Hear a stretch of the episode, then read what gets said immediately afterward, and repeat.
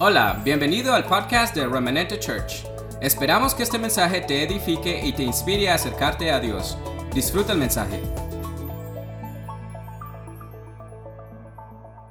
Nosotros hemos podido ver durante estos 21 días cómo Dios nos ha ido permitiendo, cómo hemos podido ir entrando a esa dimensión de presencia de Dios, de, de no es un tema de, de simplemente eh, venir acá cada noche y a ver cuándo baja la presencia de Dios, sino que esa presencia de Dios mora en nosotros. ¿A causa de qué? De la obra de Cristo en nuestras vidas, pero más allá por el poder del Espíritu Santo que mora en nosotros. Necesitamos entender, necesitamos convencernos que nosotros somos un espíritu, que, que tenemos un alma y vivimos en un cuerpo y que dentro de ese espíritu hay una presencia que mora en nuestras vidas. Hay alguien más que está con nosotros, que vive en nosotros, que camina con nosotros. Y es el Espíritu Santo de Dios. Amén.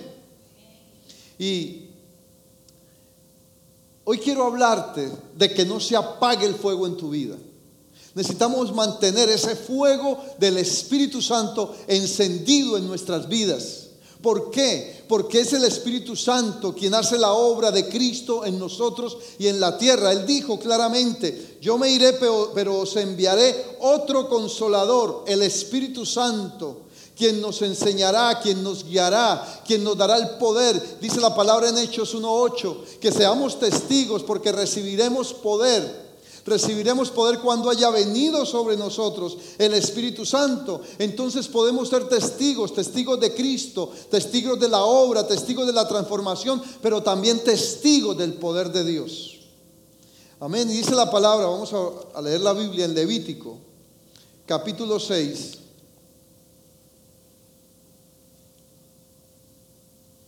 Levítico capítulo 6, donde habla de las instrucciones que Dios le dio a Moisés y que él consecuentemente también adiestrar a los sacerdotes para que supieran cómo iban a manejar los sacrificios y la obra del altar. Y dice Levítico capítulo 6, versículo 12, dice, vamos a leer desde el 9 para que entremos en contexto. Manda a Aarón y a sus hijos y diles, esta es la ley del holocausto, o sea, del altar. El holocausto estará sobre el fuego encendido, sobre el altar toda la noche hasta la mañana. El fuego del altar arderá en él. El fuego del altar. Tenga muy pendiente esta expresión. El fuego del altar. Lo que representa el fuego del altar.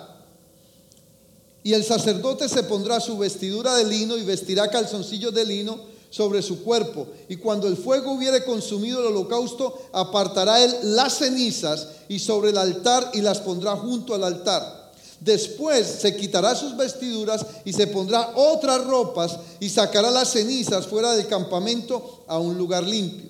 Y escuche esto. Y el fuego encendido sobre el altar no se apagará. Dígale que está al lado no se puede apagar. Dígale, no se puede apagar. Sino que el sacerdote pondrá en él leña cada mañana y acomodará el holocausto sobre él y quemará sobre él las grosuras de los sacrificios de paz. Versículo 13. Y el fuego arderá continuamente en el altar y no se apagará el fuego arderá continuamente en el altar y no se apagará. Aleluya. ¿Por qué me emociono ante esto?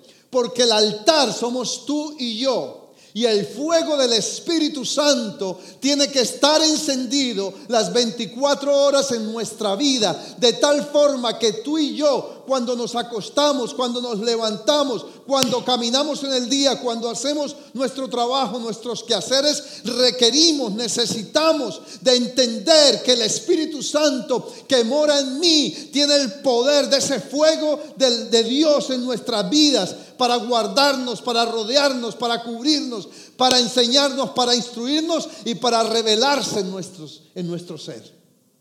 Amén. Es el fuego del Espíritu. Y entre los capítulos 6 y 8 de este mismo libro de Levítico que habla de lo que es ese altar encendido.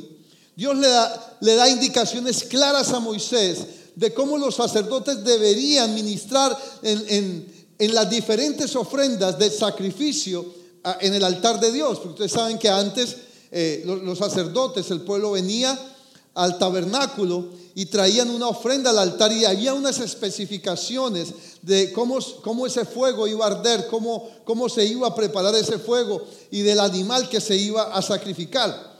Pero el verso 13 del capítulo 6, yo rapidita se lo voy a... Eh, hay una petición, ahí donde, donde lo leímos, perdón, en el, en el versículo 13 del capítulo 6, hay una petición para el cumplimiento, para que estos sacerdotes, para que los que servían en altar tuvieran en cuenta. Y esa petición es, el fuego arderá continuamente en el altar y no se apagará. Y no se apagará. Los que en algún momento, alguna vez hemos encendido una fogata, sabe que no es fácil, sabe que hay que tener, si está al aire libre, obviamente, si estamos en la casa, pues prendemos la de gas, pero esta no era de gas, esta era de leña. Y había que tener cuidado de encender ese fuego, la leña que se usaba para él. Y en el capítulo 9 del Levítico mismo, eh, después de los sacerdotes escuchar a través de la boca de Moisés cada indicación, ellos iban a presentar su primer sacrificio por el pueblo. Y algo maravilloso ocurrió. Y aquí es donde entramos a entender lo que representa ese fuego en nuestras vidas. Dice este pasaje, vamos a Levítico 9. Levítico 9, ahí mismo, va, a mantener la Biblia ahí cercana, en ese capítulo. Y el versículo 23 dice, y entraron Moisés y Aarón en el tabernáculo de reunión y salieron y bendijeron al pueblo. Y la gloria de Jehová se apareció a todo el pueblo. O sea, a mí me emociona esto, ¿sabe por qué? Porque este fuego representa el mismo fuego que nosotros tenemos hoy. Ellos tuvieron que ver un fuego físico, pero nosotros contenemos un fuego que es el fuego del Espíritu Santo, que es lo que transforma, es lo que cambia, es lo que quita aquello que no sirve en nosotros. Es lo que lima aspereza, es lo que quita y rompe y consume todo aquello malo que impide que nuestras vidas caminen en esa santidad que Dios requiere. Y dice, y la gloria de Jehová se apareció, y mire lo que dice el 24, y salió fuego de delante de Jehová y consumió el holocausto con la grosura, o sea, con la que se había puesto el animal, y sobre el altar, y viéndolo todo el pueblo, alabaron y se postraron sobre sus rostros. Hermano, si nosotros entendemos el fuego del Espíritu que arde en nosotros, entonces podremos con más facilidad adorar a Dios y, liberar sacrificios de alabanza, porque ya no tenemos que sacrificar animales por el pecado, sino que podemos traer un sacrificio de nuestro ser para Dios. Y escuche esto, ese fuego representa al Espíritu Santo. Es una tipología del Espíritu de fuego que habría de venir sobre nosotros. Y es lo que Dios está queriendo hacer este tiempo sobre su iglesia. Encender ese fuego para que nuestra vida sea tocada por esa presencia de Dios. Para que nuestra vida sea tomada por ese fuego del Espíritu. De tal forma, como lo decían estos días, eh, alguien aquí, Débora lo decía, ese fuego, el fuego si toca algo más lo enciende. Que de tal forma que nosotros podamos tener la realidad, la verdad, la convicción de que hay un fuego en nuestra vida vida que puede encender no solamente nuestros corazones, pero el corazón de otro. Amén. Y, y el apóstol Juan profetizó acerca de eso. Dice que nosotros seríamos bautizados en el Espíritu Santo y en fuego, haciendo referencia al Señor Jesús, cumpliéndose esa profecía. Vamos un momentico a, a Mateo 3:11. Rapidito, rapidito, rapidito, pastor.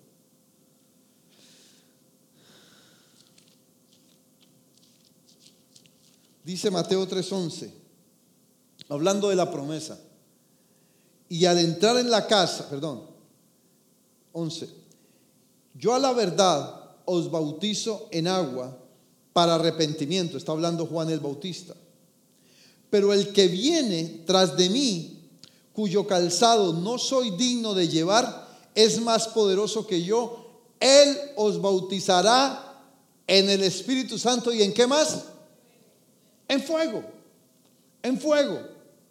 Entonces, con la venida del Espíritu Santo en nosotros, quiero decirle que esa venida ya sucedió.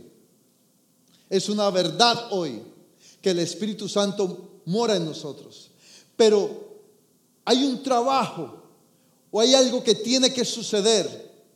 Y es que se cumple esa verdad de que el Espíritu Santo está en mí. Pero hay otra parte de la profecía que tenemos que ser bautizados en el Espíritu Santo, pero también en fuego. ¿Y qué representa fuego? Fuego representa el poder de Dios obrando en nuestra vida. Fuego representa la transformación de vida que Dios quiere traer sobre nosotros. Fuego representa la misma naturaleza de Dios, porque Dios se manifestó al pueblo de Israel a través del fuego. Y en ese entonces fue un fuego físico. Pero hoy es un fuego del Espíritu que transforma, que tú puedes saber que cuando esa presencia del Espíritu Santo se manifiesta en tu vida, tú vas a ser encendido en tu mente, en tu corazón, no solamente llevándote y redarguyendo tu corazón si hubiese pecado, ese fuego del Espíritu consume toda iniquidad, toda cosa, todo dolor, toda pena, pero también transforma mi vida a una vida que puede llevar ese fruto del Señor, ese poder de Dios contenido. Cuando ese fuego se enciende en nuestra vida, ¿sabes lo que va a pasar? Tú orarás por los enfermos, tú orarás por los que están perdidos, tú orarás por los endemoniados y no tendrás temor. Porque el fuego del Espíritu en tu vida te da la seguridad. Es el Espíritu Santo mismo en nosotros liberando la obra de Cristo, porque la obra de Cristo se completó en nosotros cuando Él murió en la cruz, cuando resucitó, cuando ascendió y cuando después de que subió, envió al Espíritu Santo a nuestras vidas. Amén. Ahora, Dios es quien decide en qué altar coloca su fuego. Cuando ve corazones, cuando ve vidas dispuestas a hacer ese altar, porque tú y yo somos un altar. Somos un altar donde ese fuego se manifiesta para vida, para sanidad, para libertad, para restauración, para transformación. La palabra hebrea para fuego es Esh, E-S-H, Esh. Y tiene que ver, y quiero que entienda esto, ese Esh habla, porque es que si hablamos de fuego simplemente como una candela, pero cuando hablamos del fuego del Espíritu, es eso que arde en nuestros corazones.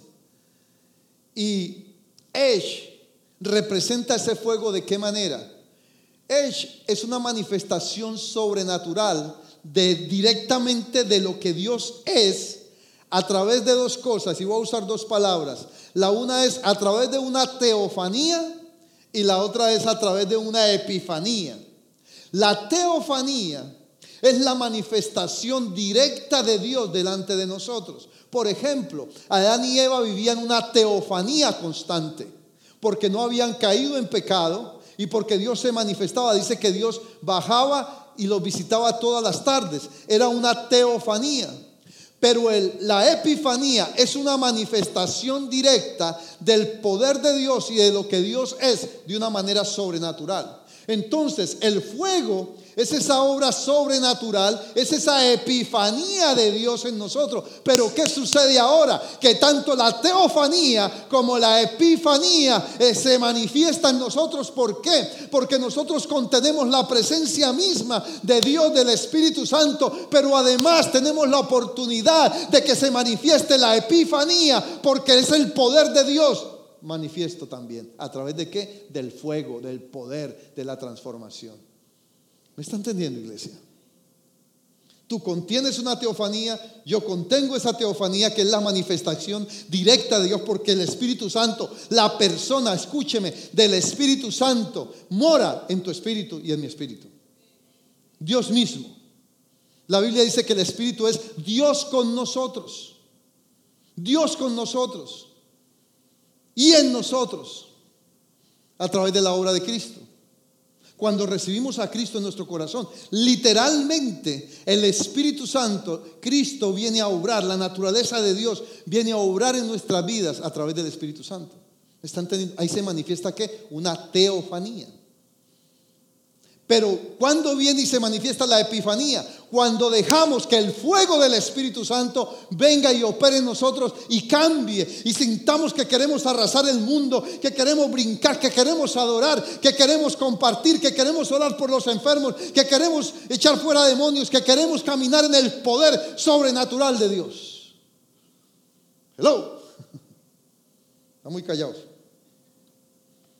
Entonces dice, que siempre que Dios quiso manifestar su poder, donde Dios quería tomar dominio, representar su presencia y su gobierno y su hegemonía, Dios lo hizo a través del fuego. ¿Cuándo volvió a suceder? Con Elías.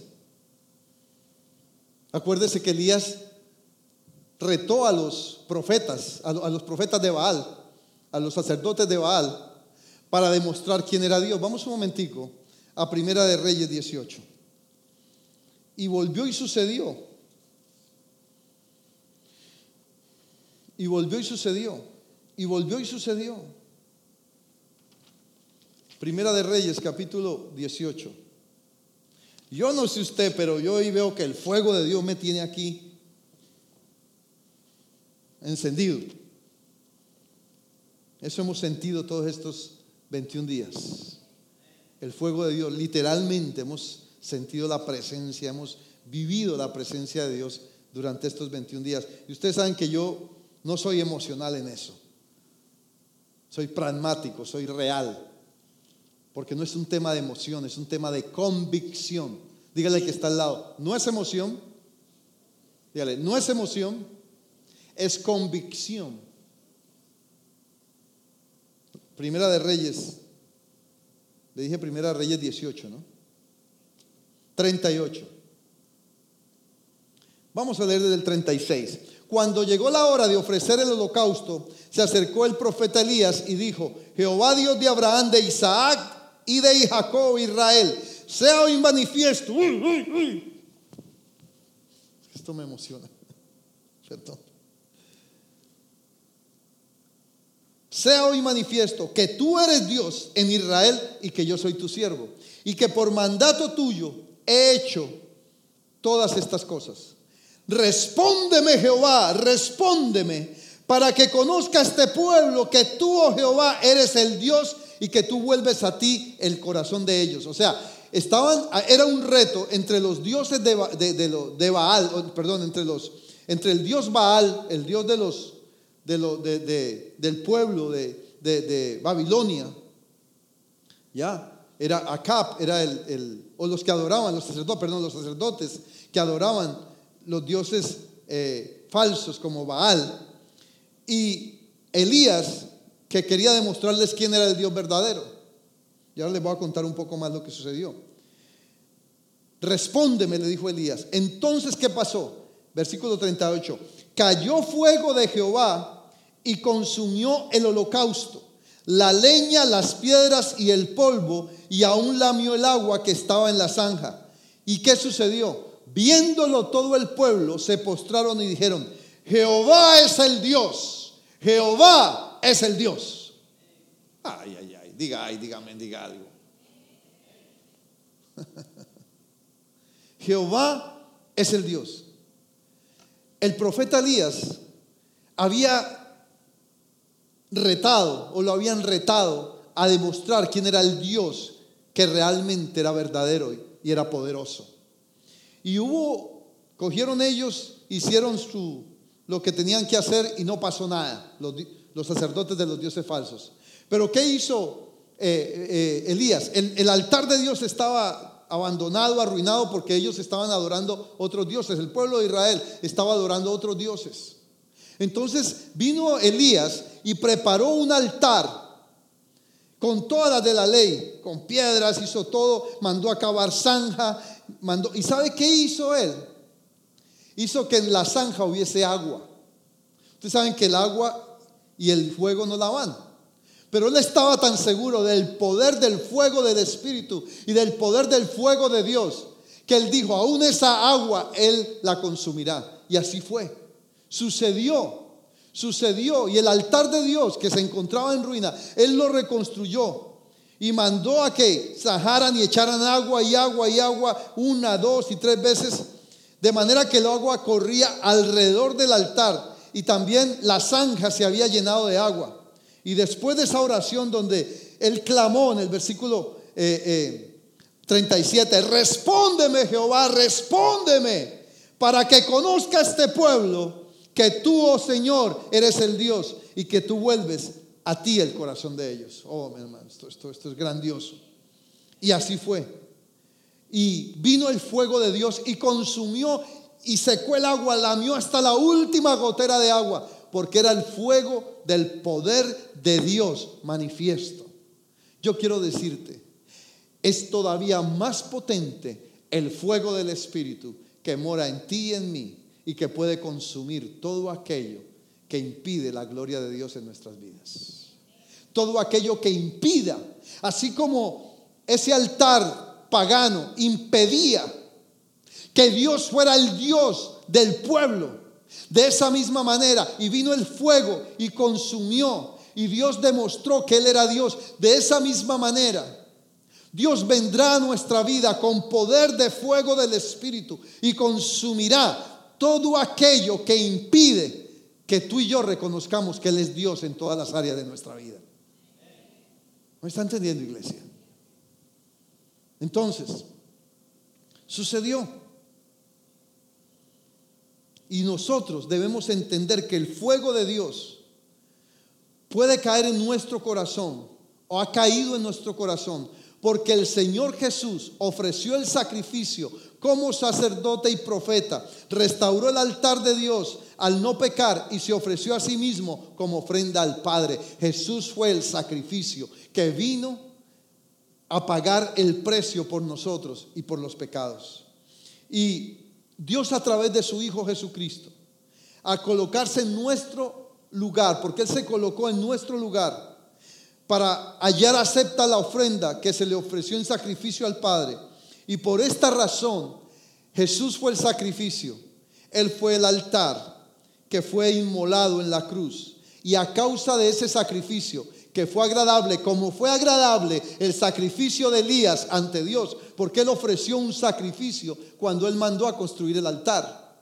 Y ese sacrificio fue agradable, escuche esto, fue agradable al Padre. Esta es la analogía, la comparación. Fue agradable al Padre y a causa de ese sacrificio que Elías ofreció, vino el fuego de Dios y colmó ese monte Carmelo y consumió todo pecado, consumió toda cosa, consumió toda idolatría, consumió toda iniquidad.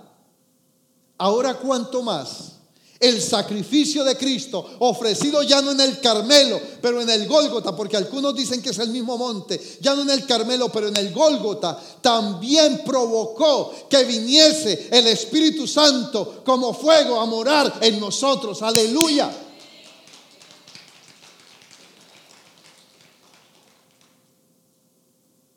Y es como y es nuestra responsabilidad como sacerdotes de Dios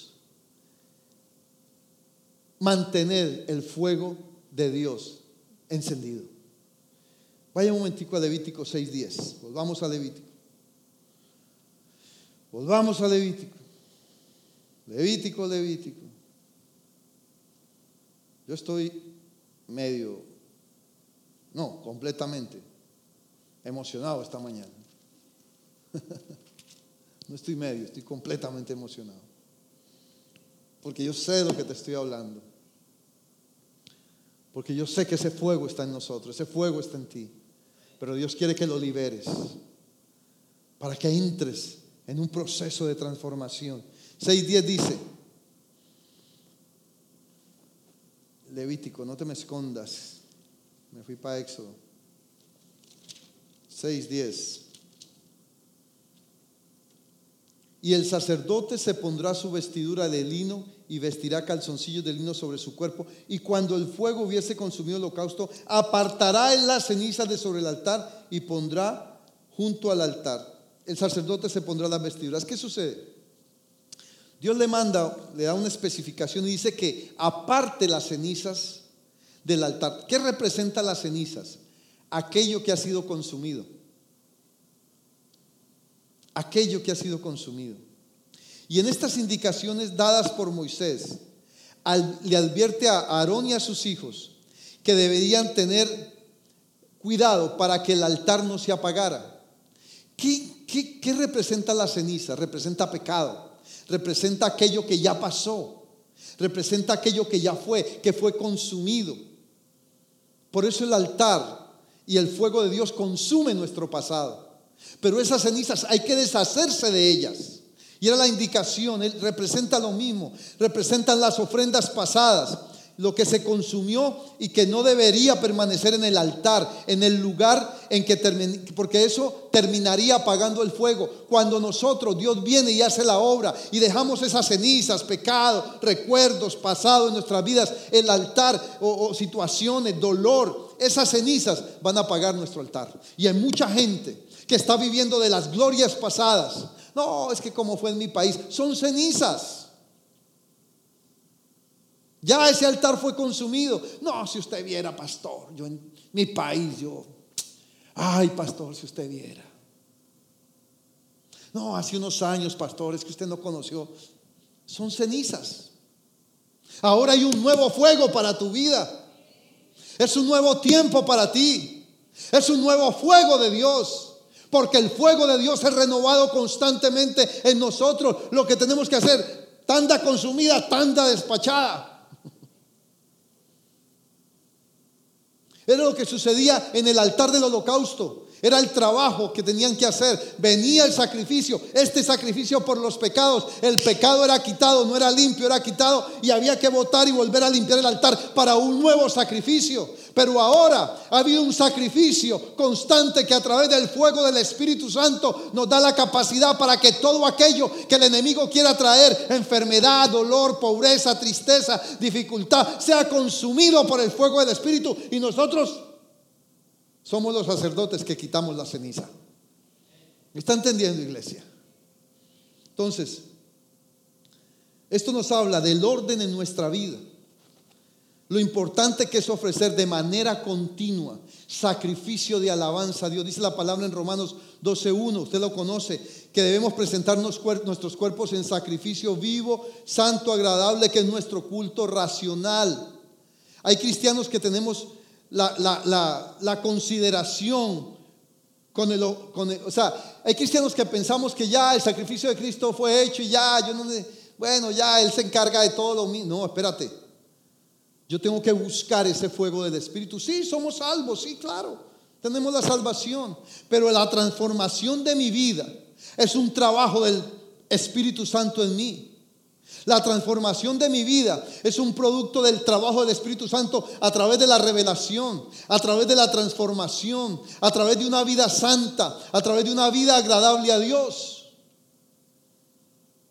No podemos vivir eh, de la remembranza de lo que ya fue ofrecido, de lo pasado, que no son más que cenizas, que si no se sacaron para colocar un nuevo altar, un nuevo sacrificio, lo que va a suceder es que apagan el fuego. Por eso es que muchas veces, escúcheme, cuando la presencia de Dios, y, yo quiero hacerle entender esto, cuando la presencia de Dios viene y se manifiesta, y el fuego de Dios consume aquellas cosas que no son agradables a Dios, quedan cenizas. Pero si nosotros no limpiamos, no nos deshacemos de esas cenizas, y vivimos todavía con dolor, nos vamos de aquí, ah, el Señor se manifestó, sentí el fuego de Dios, ¡Ah! qué bendición. Pero si no, botamos esas cenizas a diario y nos disponemos a un nuevo sacrificio de gloria, dice que presentemos nuestros cuerpos en sacrificio vivo y santo diariamente. Todo aquello que el Espíritu Santo va consumiendo tenemos que deshacernos de ello. Ya no podré seguir en rencores, ya no podré seguir en confesiones negativas. Porque si aquí veo la gloria de Dios o en mi momento de intimidad con Dios se manifiesta ese fuego de Dios, consume lo que tiene que consumir, pero nosotros seguimos con el mismo lenguaje, con la misma actitud, con el mismo dolor, con la mismo rencor, con la misma pecado. Entonces esas cenizas empiezan, apagan otra vez el fuego que Dios trajo. ¿Me está entendiendo lo que le estoy diciendo? Entonces, a veces hablamos con mucho orgullo de los sacrificios pasados, pero no nos damos cuenta que lo que realmente le da validez a que el fuego permanezca es el presente. Es el presente, el fuego de hoy. El fuego de hoy. Es como el maná. El maná representa esa porción de Dios desde el cielo. Representa una tipología del Espíritu también. ¿Y qué sucedía? No que el Espíritu se añeje, no me entienda, no me malentienda. Es que esa porción al próximo día ya no servía, no la podían guardar, la tenían que consumir el mismo día. Entonces, lo que Dios manifieste hoy será una plataforma para lo que Dios quiere hacer mañana en nuestra vida. Para cambiar, pero necesitamos deshacernos de las, de las cenizas, de las glorias pasadas. A veces estamos tan aferrados a las glorias pasadas, pero Dios mismo nos ha sacado de ahí. Hace 26 años cuando llegué a este país, yo en Colombia estaba como en el TAP de ministerial, tenía, trabajaba con una misión grande, eh, tenía un liderazgo inclusive a nivel nacional, eh, estaba metido en muchas cosas, Dios me permitió llevar muchos de los cantantes que, que han sido famosos a través de la historia de la iglesia por primera vez a Colombia. Bueno, había muchas cosas que estaban pero llegué aquí y eso fueron glorias pasadas. Usted nunca me oye hablar de los tantos países que he visitado, que he predicado allí, que he predicado acá, que he predicado en tales... Y nunca me presento, eh, soy el apóstol Wilmer Franco, aquí donde me he visitado veintitantos países. No, usted no me ven esas, porque esas son glorias pasadas. Hablemos de lo que Dios está haciendo hoy. Muéstrame lo que Dios está haciendo hoy. ¿Qué Dios está haciendo en mi vida hoy? Es lo que cuenta. ¿Qué es lo que el Espíritu Santo está haciendo en mi vida hoy? Es lo que cuenta. Necesitamos romper ese sincretismo, esa mezcla religiosa que a veces traemos entre lo que pasó en el pasado y entre lo que anhelo en mi presente.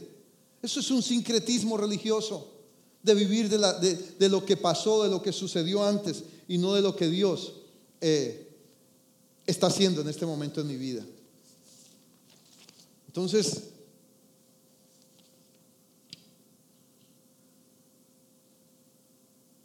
ahora, debemos tener cuidado si nosotros no nos exponemos a la obra del Espíritu Santo.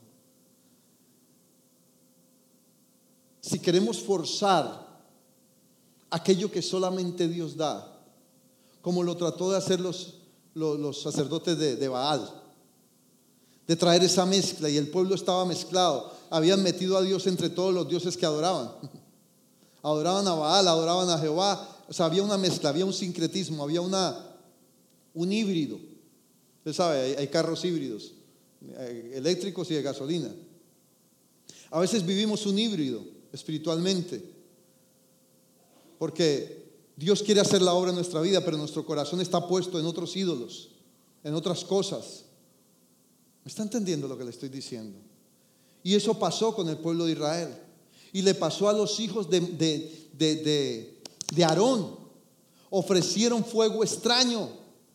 ¿Se acuerda cuando le hablé hace ocho días de los que habían ido a comer con Dios, que habían ido 74? Entre ellos los 70, eh, Aarón, a Moisés y Abiud y, y, y Nadab. Esos eran sacerdotes. Pero mire lo que dice Levítico 10.1. Dice, Nadad y Abiú, hijos de Aarón, tomaron cada uno su incensario y pusieron en ellos fuego, sobre el cual pusieron incienso y ofrecieron delante de Jehová fuego extraño que él nunca les mandó. ¿Y qué pasó? Y salió fuego de delante de Jehová y los quemó y murieron delante de Dios. Y habían estado comiendo con Dios, tenían gloria. Pues ellos andaban, decían, nosotros estuvimos en el monte, Dios nos hizo ahí, nos preparó ahí unas comiditas. Y el cielo bajó de la huerta y ahí estuvo el Señor cocinando. Ahí dice en, Éxodo que Él estuvo con ellos y los invitó a comer, ¿sí o no? Yo les leí hace ocho días. Entonces estos dos, ah, amigo del Señor, nosotros eh, con Él. eh, No, a Dios no hagan eso, al Señor no le va a gustar. ¿Qué me vas a decir tú a mí si yo estuve comiendo con Él en el monte Sinaí? Pero mire lo que pasó. Ofrecieron fuego extraño. ¿Sabe cuándo ofrecemos fuego extraño? Cuando insistimos en vivir en pecado y en la iniquidad de la cual Dios ya nos liberó. Ahí hay fuego extraño y ahí hay muerte. Y quizá no esperemos que venga un fuego y un rayo y nos caiga encima. Bueno, ojalá que no. Pero vamos a obtener muerte espiritual cuando ofrecemos ese fuego extraño de pecado al Señor. Porque Dios les había adiestrado. Y escuche esto. En el Antiguo Testamento se ofrecía un sacrificio, y esto se los he enseñado varias veces, para que el, pecado fuese perdonado. Pero el pecado no era limpio, el pecado no era quitado. Vaya un momentico a Hebreos 10, va a leerle rapidito porque es bueno sustentarlo con la palabra. Hebreos 10. Hoy estoy un poquito atrasadito porque la alabanza se demoró mucho. No, mentira, no. Voy a echarle la culpa a la alabanza. A alguien le tengo que echar la culpa. Hebreos 10. No, estuvo lindo. Hebreos 10, 3 dice, porque la sangre de los toros y de los machos cabríos no puede quitar los pecados. Por lo cual, entrando en el mundo, dice, sacrificio de ofrenda no quisiste, más, perdón, vamos a leer desde el 3, perdón, de ahí el 4. Pero en estos sacrificios cada año se hace memoria de los pecados, porque la sangre de los toros y de los machos cabríos no puede quitar el pecado.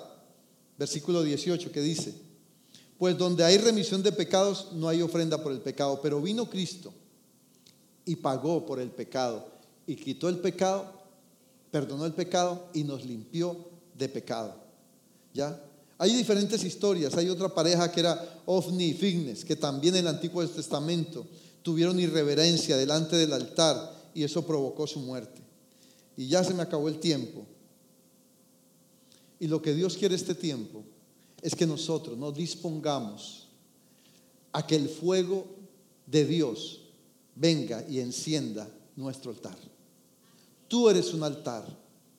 Tú eres un altar. Tú contienes teofanía y epifanía. Ya, te, ya aprendí hoy dos palabras nuevas. No tiene que aprendérselas para ser salvo. Pero usted contiene y yo contengo teofanía y epifanía de Dios. Con- tenemos el derecho legal de la presencia de Dios de nuestra a través de Cristo, a través del Espíritu Santo, pero también la epifanía, que es el derecho legal para que lo sobrenatural de Dios se manifieste en nosotros. O sea, la epifanía es cuando el poder de Dios se manifiesta en nuestras vidas. El fuego de Dios fue esa epifanía, ese poder. El Espíritu Santo vino como esa epifanía. ¿Dónde había una epifanía también? Cuando Jesús vino al Jordán y fue bautizado, dice que Dios se representó de qué forma? ¿En forma de qué? Oye, por Dios, de paloma. Pasa con estos teólogos de compendio pastoral. En forma de paloma. Eso fue una epifanía, una manifestación de Dios a través de la paloma. Pero hay una epifanía en nosotros que es el fuego del Espíritu. Ya no necesitamos, hay gente que todavía está buscando la paloma en el aire. No, ahora mora el Espíritu en nosotros. Tú no tienes que buscar más esa paloma en el aire. Esa paloma, por decirlo de esa manera, está en nosotros y trae fuego. Dice Juan que seríamos bautizados, que él bautizaba en agua, pero que vendría uno que bautizaría en espíritu y en fuego. Amén. Y esta mañana vamos a anhelar ese fuego del espíritu. Es, es un derecho de Dios en nuestras vidas que nosotros ardamos en ese fuego del Espíritu Santo para que el altar mantenga encendido. Nosotros somos esa leña, contenemos esa leña que hace que el altar de Dios se mantenga encendido a través de la adoración, a través de la obediencia, a través de, bendecir, a través de caminar en revelación, a través de, querer agradar a Dios. Estamos manteniendo ese, ese altar encendido. Y entonces el fuego nunca se apagará. Cuando tú eres un hombre y una mujer que adora, escúchame, el fuego, el altar, nunca, nunca se apagará. Esperamos que este mensaje haya sido de bendición. No te olvides de suscribirte a nuestro podcast y seguirnos en Facebook e Instagram arroba remanente church.